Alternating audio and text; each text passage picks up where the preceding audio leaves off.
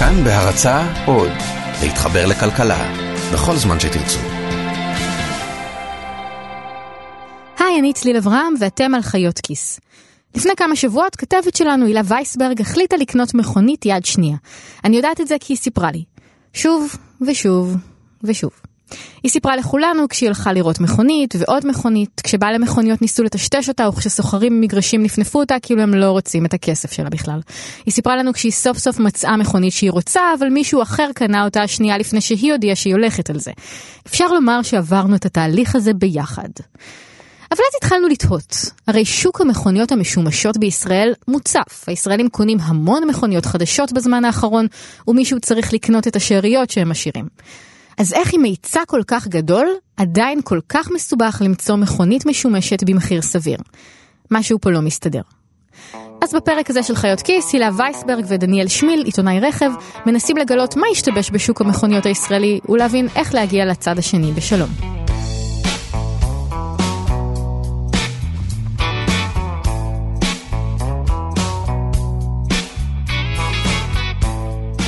הוצאתי רישיון נהיגה פחות או יותר כמו כולם, סביב גיל 18. קצת מביך להודות, אבל זה היה אחרי משהו כמו 100 שיעורי נהיגה וטסט חמישי. אז רישיון יש לי, אבל מעולם לא הייתה לי מכונית. עשר שנים גרתי בתל אביב ופשוט לא היה לי בזה צורך. אבל לפני כמה חודשים עברנו דירה והבנו שאין ברירה, חייבים לקנות מכונית. בגלל שלא רצינו להוציא 90 או 100 אלף שקל על מכונית חדשה וגם לא לקחת הלוואה, החלטנו ללכת על מכונית יד שנייה. וזו הייתה אמורה להיות המשימה הקלה בעולם. סיפרו לנו שישראל מוצפת כיום במכוניות משומשות, ושזה שוק שבו אנחנו בעלי הכוח, כלומר זה שוק של קונים. רק שהמשימה הכאילו קלה הזו הפכה לסיוט ונמשכה חודשים. נכון, אני אדם די יסודי, אפילו מעט חשדן, אבל נשבעת לכם, זו לא הייתה רק אשמתי. הייתי אומר שזה 80% לא באשמתך.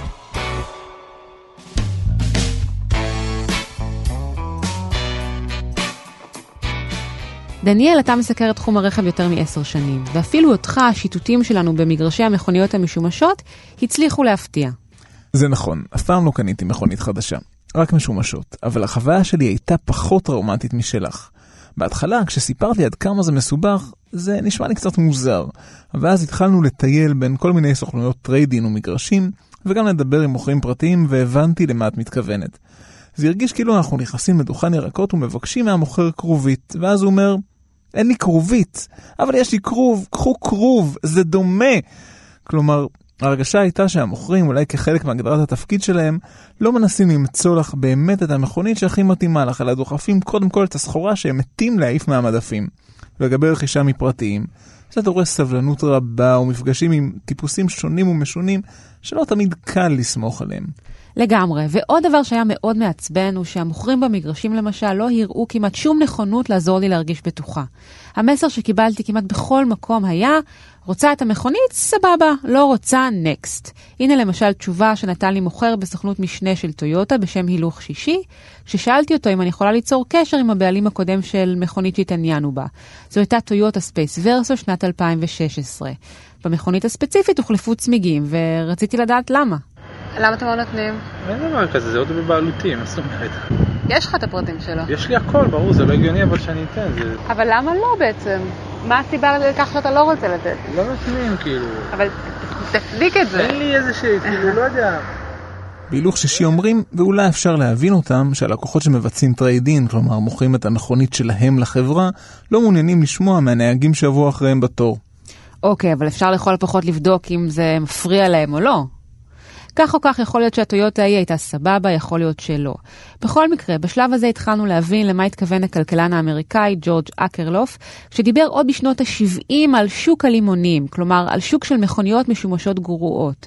עבור העבודה הזו הוא גם זכה בפרס נובל לכלכלה לשנת 2001. בעצם אקרלוף אומר שאם את רוצה למכור לי מכונית משומשת, את יודעת בדיוק מה מצבה, ואני לא יודע שום דבר. לכן רק טבעי שאהיה חשדן ואבקש להוריד את המחיר.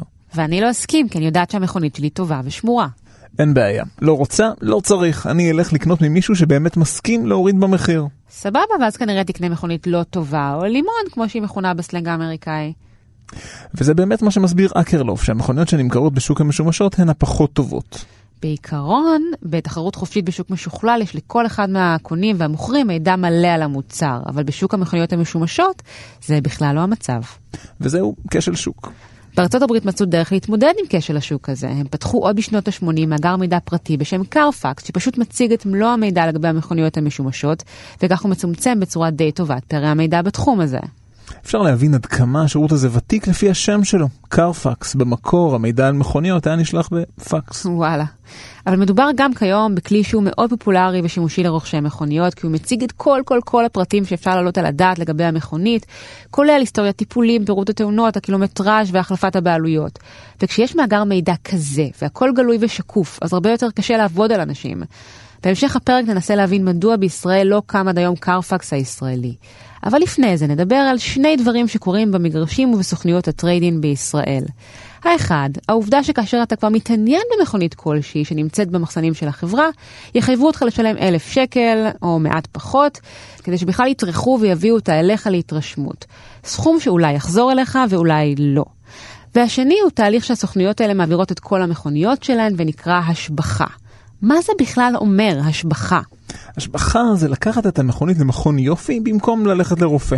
המוכרים רחצו את המכונית היטב, תקנו שריטות, הבריקו את הצמיגים בחומר מיוחד, ולסיום גם שמו ניילונים על המושבים. את כמעט מרגישה כאילו קנית מכונית חדשה לגמרי, אבל זאת לא מכונית חדשה. היא כבר נסעה, אולי אפילו נסעה הרבה, ובטח גם עברה כל מיני דברים שבסוכנות יעדיפו שלא תחשבי או תבררי לגביהם. לא חדשה, אבל מושבחת. אז תגיד, איך יכול להיות שהשוק בישראל כיום מוצף במכוניות, ובכל זאת המוכרים שבהם נתקלנו היו כל כך כל כך לא מתאמצים? נדמה לי שזה כיוון שביררת לגבי המכוניות היותר שכירות שלהם. מכוניות חדשות יחסית, בנות שנתיים-שלוש, עם קילומטראז' נמוך, ומדגמים פופולריים שנחשבים אמינים, כמו יונדאי i20, הונדה ג'אז וטויוטה יאריס. ודגמים שמוכרים את עצמם, בשבילם לא באמת צריך מוכרים.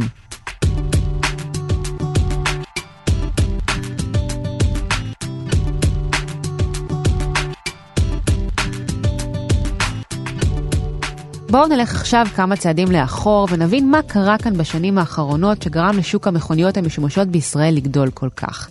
נתחיל מזה שמכונית חדשה בישראל היא מוצר מאוד מאוד יקר, שיותר ממחציתו הוא מיסים. מס הקנייה לבדו מוסיף 83% למחיר הרכב המקורי, ועליו יש להוסיף גם מע"מ ולעיתים מכס. המרוויחה הגדולה מכל הסיפור הזה היא המדינה כמובן, שמשלשלת לכיסה כספים רבים בגלל מיסים גבוהים שאין לנו ברירה אלא לשלם. ואם את רוצה להבין עד כמה המכוניות בישראל יקרות, הנה דוגמה. אם תקני בארצות הברית טויוטה קורולה, תשלמי 65,000 שקלים. באוסטרליה תעלה אותה מכונית 80,000 שקלים. ובישראל, לא פחות מ-130,000 שקלים. מדהים. 130 אלף שקל פלוס מינוס למכונית משפחתית חדשה הוא סכום שלא כל אחד יכול לעמוד בו, אבל נוצרו כאן כמה דרכים עוקפות לרכישת מכונית חדשה. בשנים האחרונות למשל, ראינו פריחה די מטורפת של שוק המכוניות שמכונות 0 קילומטר. כלומר, מכוניות שהסוכנויות למיניהן קנו מהיבואנים בזול ומוכרות הלאה לצרכן במחיר שנמוך בעשרות אחוזים מהמחיר של היבואן.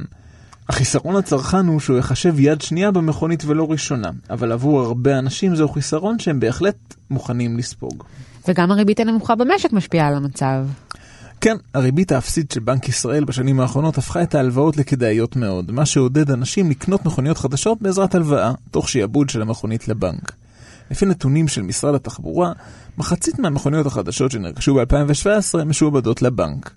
גם לפי בנק ישראל אנחנו רואים בשנתיים האחרונות גידול מתמיד בהיקף האשראי שאנשים לוקחים כדי לרכוש מכונית. נכון ליוני 2017 כבר מדובר ביותר מ-13 מיליארד שקל של הלוואות שהישראלים לקחו רק כדי שגם להם תהיה מכונית חדשה. מה שאומר שיש מצב טוב שהמכונית הנוצצת בחניה שהשכן שלכם לא באמת נרכשה במלוא הכסף שלו. ומכיוון שקל הרבה יותר מבעבר לקנות מכונית חדשה, גם קצב התחלופה של המכוניות נעשה מהיר הרבה יותר, והגיל הממוצע של מכונית כיום בישראל הוא נמוך מאוד, סביב 7 שנים. בבריטניה הוא 8.5 שנים, בצרפת 9 שנים, ובארצות הברית כמעט 12 שנים. סך הכל מספר המכוניות החדשות שעלו על הכביש בישראל הגיע לשיא ב-2016, ובהתאם גדל גם מספר המכוניות המשומשות שהחליפו בעלות. כמעט כולם יצאו מזה מורווחים, היבואנים, הסוחרים ומגרשי הטריידין, וגם המוכרים הפרטיים. רואים את זה גם בנתונים. ניתוח שערכו דוקטור איתי עטר מהפקולטה לניהול באוניברסיטת תל אביב והדוקטורנט ניר יוסף, העלה למשל שנתח השוק של הסוחרים והמגרשים בישראל עלה מ-18% ב-2007 ל-25% כיום. זה מה שהיה לאבי מויאל, משנה למנכ"ל חברת טריידמוביל, מחברות ה trade-in הגדולות בישראל, לומר בנושא. אה, לפני שבע שנים, כניסה של לקוח ישראלי למגרש, גם אם זו חברה מאוד מכובדת, זה היה נראה קצת מוזר והיה צריך להסביר לו כמה דקות שהוא הגיע למקום טוב וזה לא אה, סוחרים של שנות ה-60 ב- בישראל. או במילווקי, כן. אני יכול להגיד לך שכרגע כל החברות הגדולות ולרוב הצרכנים הישראלים זה מאוד לגיטימי להגיע למתחמי מכירות או מגרשי מכירות של רכבים משומשים ולקנות שם רכב, זה, זה, זה הפך להיות למשהו לגיטימי. אגב, בטרנדמוביל גילו שכיום לקוח ממוצע מחליף רכב מדי שנתיים וחצי, כשרק ב-2013 המספר היה ארבע שנים. כל החברות הגדולות, בכולן גדל נפח המכירה, זאת אומרת, כמות המסירות של המכוניות המשומשות. עכשיו, תבואי ותשאלי שאלה נוספת, אז רגע, איך זה יכול להיות שכולם מוכרים גם חדש יותר וגם משומש יותר? לאן המכוניות הולכות? אני גם יכול להגיד לך שאם את זוכרת לפני שבע שנים, כשהיית מסתכלת בכבישים, היית רואה מכוניות יותר ישנות. אני, כשהייתי בתיכון, לנסוע באוטו בן 20 זה היה מאוד מאוד לגיטימי, היום זה לא הגיוני. זאת אומרת, המכוניות עצמן הן צעירות יותר בכבישים. היום אה, לעיתים מכוניות בנות כמה שנים שהן התקלקלו באופן אה, של מנוע או גיר, פשוט נוטשים אותן. יותר כלכלי ללכת לקנות רכב אה, חדיש יותר. אז מה שאבי אומר לנו זה שכל השוק גדל בשנים האחרונות. ודווקא בגלל הנטייה של ישראלים לרכוש מכוניות משומשות צעירות יחסית, אז מגרשי הטריידין ואחרים הגדילו את כוחם. התוצאה היא שהתחרות על הדגמים הצעירים והמבוקשים גדלה גם כן. ומהן המכוניות שהישראלים הכי אוהבים? זה מה שאמר לנו נציג מכירות במגרש של שלמה סיקס במתחם גלילות. לא להתפשר, אני אומר לך, רק טויוטה ומאזדה. לא, לא, אל תקחי רכב אחר. דניאל, מה אתה אומר על ניתוח השוק של המוכר מסיקסט? אתה מסכים איתו? אין ספק שבישראל יש קיבעון לגבי החברות מהמזרח הרחוק. יצרנית רכב אחת, יונדאי קיה הקוריאנית, מחזיקה בנתח שוק עצום של 26% מכלל מסירות הרכב החדש מתחילת השנה. מתוך עשרת המותגים הנמכרים ביותר בישראל השנה, שבעה הם יפנים או קוריאנים. אוקיי, וכל זה מוביל אותנו לאחת השאלות הגדולות שמלווה כל מי שרוצה לקנות מכונית בישראל, חדשה או משומשת. על איזה דגם ללכת, והאם באמת המכוניות שמיוצרות במזרח הרחוק הן הכי טובות והכי אמינות.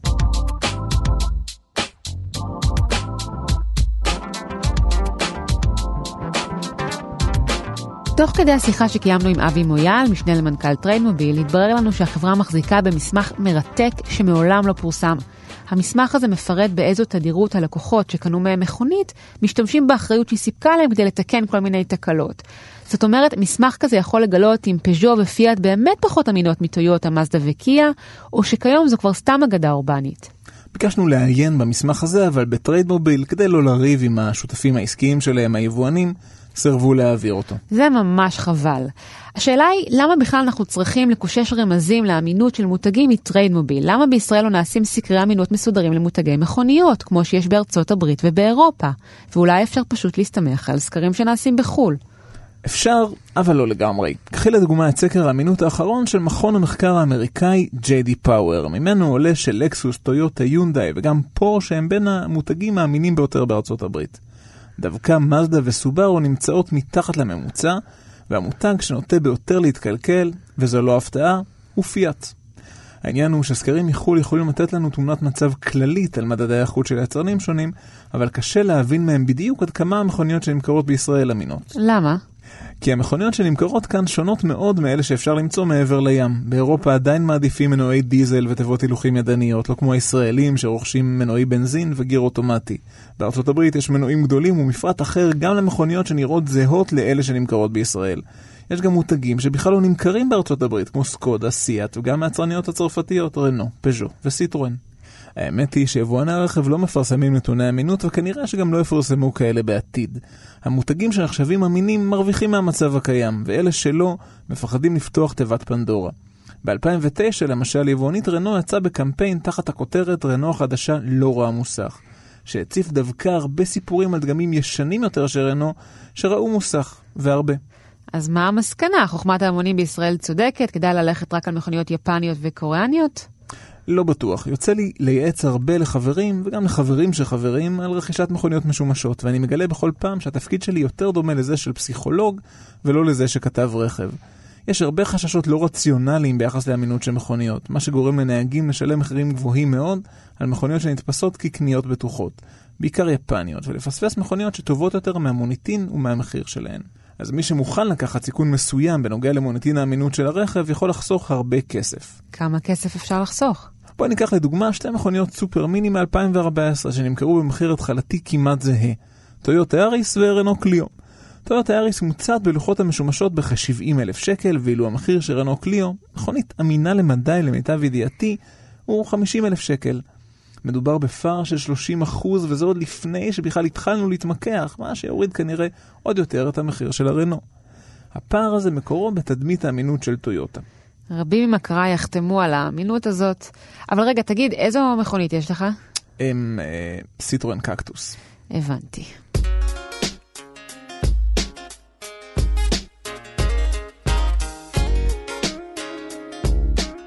עכשיו לשאלה שהכי מעניינת אותי, למה לעזאזל אין מאגר מידע מקוון על מכוניות משומשות בישראל? וגם אפשר לשאול, למה הוא בעצם כל כך חשוב? עסקה שהיא המשמעותית מאוד לאחר דירה, והכי פחות יש בה ביטחון צרכני, ותרבות צרכנית ושקיפות צרכנית. אנחנו מדברים על עסקאות של עשרת אלפים שקל, אנחנו עסקאות של עשרות עשרות אלפי שקלים. זה חבר הכנסת אורי מקלב מיהדות התורה, שכיו"ר הוועדה לפניות הציבור ב-2009 עד 2011 ניסה לקדם מאגר מידע בסגנון קרפקס האמריקאי, שיכלול את כל הפרטים לגבי הרכב שהרוכש הפוטנציאלי צריך. עוד לפניו ניסה גם השר גלעד ארדן לקדם מאגר כזה כשהיה יושב ראש ועדת הכלכלה, בשיתוף עם איגוד המוסכים. מהדיונים האלה כן נולד בסופו של דבר חוק לא רע, אבל מאגר זה לא. המאגר הוא באמת נקודה חשובה, כי החוק שציינת, שמכונה חוק גילוי נאות, עשה כמה שינויים חיוביים, אבל לא מספיקים. כיום למשל החוק מחייב את מי שעוסק במכירת רכב משומש להציג היסטוריית תאונות, בעלים קודמים ואת הקילומטרה שעברה המכונית, אבל היסטוריית טיפולים זה כבר לא. למעשה היכולת לקבל אותה נתונה לשיקול דעתו של הבעלים של האוטו, כלומר, תתגלה לרוכש רק אחרי שכבר קנה את המכונית. מה שבאמת היה מסייע כאן לצרכנים הוא מאגר מידע מסודר, ומאגר כזה לא יהיה כאן, לפחות לא בזמן הקרוב. אבל תגיד, למה בעצם? הרי הנתונים קיימים אצל המוסכים, בחברות הביטוח, בחברות הטריידין. איפה נעוצה הבעיה? מי חוסם את היוזמה הזו? לכאורה, הבעיה היא הפרטיות של בעלי המכוניות, ולכן משרד המשפטים מתנגד למאגר כזה. אבל זו בעיה שקל לפתור. יש כאן סיפור הרבה יותר גדול. סיפור שבגללו חברות הביטוח מתנגדות למאגר מידע כזה ובעצם מונעות את השקיפות. כדי להבין את זה, כדאי להכיר מונח חדש, אובדן גמור להלכה.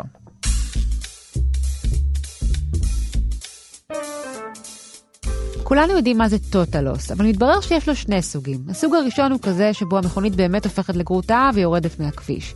אבל אם הנזק שספגה המכונית הוא 50-60 אחוז, הבעלים שלה מקבל פיצוי מלא מהביטוח. הבעיה היא שהמכונית חוזרת לכביש ונמכרת ללקוחות תמימים שלא יודעים על עברה. אפילו משרד התחבורה לא מדווח על הנזק הכבד שנגרם למכונית. זאת אומרת, אם יהיה מאגר מסודר, יהיה הרבה יותר קשה לאותם סוחרים להסתיר את עניין הטוטלוס מהרוכשים, ולחברות הביטוח יהיה הרבה יותר קשה לסחור במכוניות האלה. ומה קורה כשהמכוניות האלה כן מגיעות לשוק? ביום אחד הגיעה אליי איזו אישה חרדית, חד-הורית, עם רכב uh, לטיפול. אנחנו מעלים אותה, אומרים שכל האוטו עקום. זה רונן לוי, והוא יושב ראש איגוד המוסקים בישראל. קנתה את האוטו באשדוד מאיזה סוכן. עמדה פה בכתה. קנתה את האוטו במחיר מחירון, יש לה חמישה ילדים, היא מסיעה אותם באוטו שהוא, לא רק שהוא לא בטיחותי מבחינת הזוויות היגוי שלו, היה בכלום, לא היה לו קרת אוויר לנו. האישה, את יודעת, היא רוצה, רוצה לקנות אוטו. שק שהיא בגדול קשת יום. הלכה, גייסה את כל מה שהיה לה וחברים וזה כדי שיהיה לה את היכולת, אי אפשר במדינת ישראל להיות, אה, לגדל משפחה בלי אוטו. תשמעי, ועכשיו מה, מה עושים? אמרתי לה, בית משפט. בעיות יותר צריכה לבכות. רק חושבת על הטרטור, על התהליך, עורכי דין, עניינים. לדעתנו יש כוחות uh, חזקים במדינה שבעצם uh, משפיעות על משרד המשפטים, כלכלה, תחבורה. ולחברות הביטוח יש הרבה כוח. אנחנו, תראה, כשאנחנו באים לכל חקיקה שקשורה אליהם, אנחנו באים עם אה, עורכת דין אחת שלנו ולוביסטית אחת, והם באים בדרך כלל עם ארבעה עורכי דין וחמישה לוביסטים. גם אורי מקלב הבין די מהר עם מי יש לו עסק, שניסה לקדם את מאגר המידע למכוניות משומשות. גם כשזה תלוי בחיי אדם, עדיין המערכות לא מוכנות לתת נתונים שיכולים למנוע את המצב הזה. הנתונים נמצאים בחברות הביטוח, חברות הביטוח יודעות איזה רכבים היו עובדים כאן אחר, איזה רכבים הם קנו את זה ומכרו את זה הלאה. איפה, איפה זה קיים בדברים אחרים? על כל קנייה של במבה אנחנו היום יודעים לדרוש קנייה, שקיפות צרכנית. אנחנו לא יודעים להגן על צרכנים של רכב מלמה ושיש כוחות שוק חזקים קצת שמאיימים על זה ככה. חברות הביטוח אגב טוענות שההאשמות נגדן בעניין האובדן גמור להלכה הן עלילת דם. משרד המשפטים בכלל לא זוכר במה מדובר ולא הציג עמדה בנושא. ומה לגבי מי שנאבקו כדי שהמאגר יקום? הם כבר די מיואשים. זה שוב רונן לוי, יושב ראש איגוד המוסקים. תשע שנים אני ישבתי בחקיקות בעניין, והפסדנו כל הזמן לטייקונים בתחום הזה, הטייקונים של הענף הזה. וגם לצערי, אני חייב להגיד שגם אני כבר כאילו הרמתי ידיים, למרות כאילו זה עדיין מעצבן אותנו, זה חורה לנו. ועדיין מבחינתנו הנזק קיים. מה משרד התחבורה אומר בעניין הזה? שבעתיד הוא מתכוון לאפשר ליזמים להציג מידע על כלי רכב. מה זה אומר? מתי נראה מאגר כזה? לא ברור. הוא גם מזכיר את חוק גילוי נאות, שעל היתרונות והחסרונות שלו דיברנו קודם. חברות הביטוח אגב השיקו בשקט בשקט ממש בזמן האחרון מאגר מידע חדש, שמטרתו להציג את כל המידע הביטוחי שקיים לגבי מכוניות משומשות. הבעיה במאגר הזה הוא משמש רק את הבעלים של המכונית, ולא את הרוכש הפוטנציאלי. ואל תצפו למצוא בו גם את היסטוריות הטיפולים של המכונית, כלומר, כמה ולמה היא ביקרה במוסך.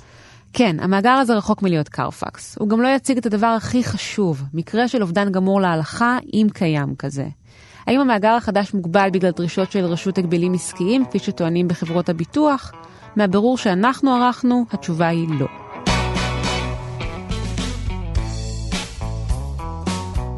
אז נראה לי שעכשיו אנחנו מבינים למה לקנות מכונית זו משימה מסובכת ומלחיצה יותר מכפי שנדמה במבט ראשון.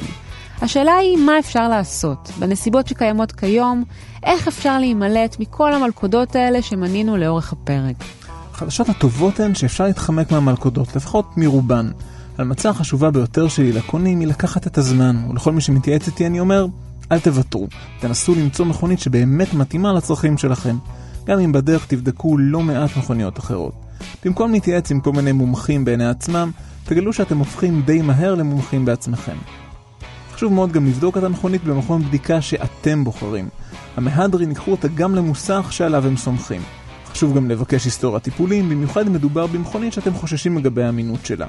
אם בטיחות המכונית חשובה לכם, וכדאי שתהיה חשובה, גם כדאי לבדוק את מספר הכוכבים שקיבלה במבחן הריסוק האירופי.